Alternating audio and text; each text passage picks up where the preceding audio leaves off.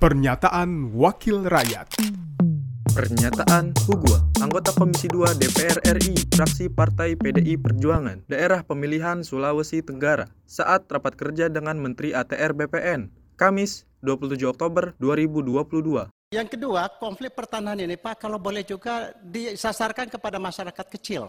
Karena konflik pertanahan tidak mungkin kita selesaikan, tetapi selesaikan semua dalam satu tahun anggaran. Tapi kalau kita fokus ke masyarakat kecil juga, ini punya nilai efek.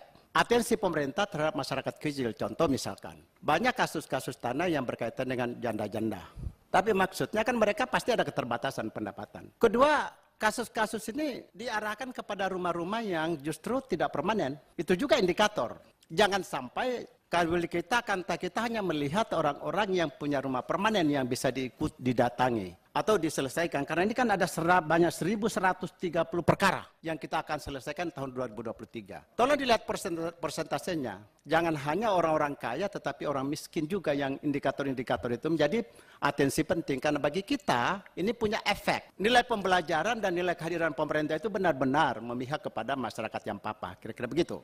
Pernyataan Hugua, anggota Komisi 2 DPR RI, fraksi Partai PDI Perjuangan, daerah pemilihan Sulawesi Tenggara, saat rapat kerja dengan Menteri ATR BPN, Kamis 27 Oktober 2022. Produksi TV dan Radio Parlemen, Biro Pemberitaan Parlemen, Setjen DPR RI.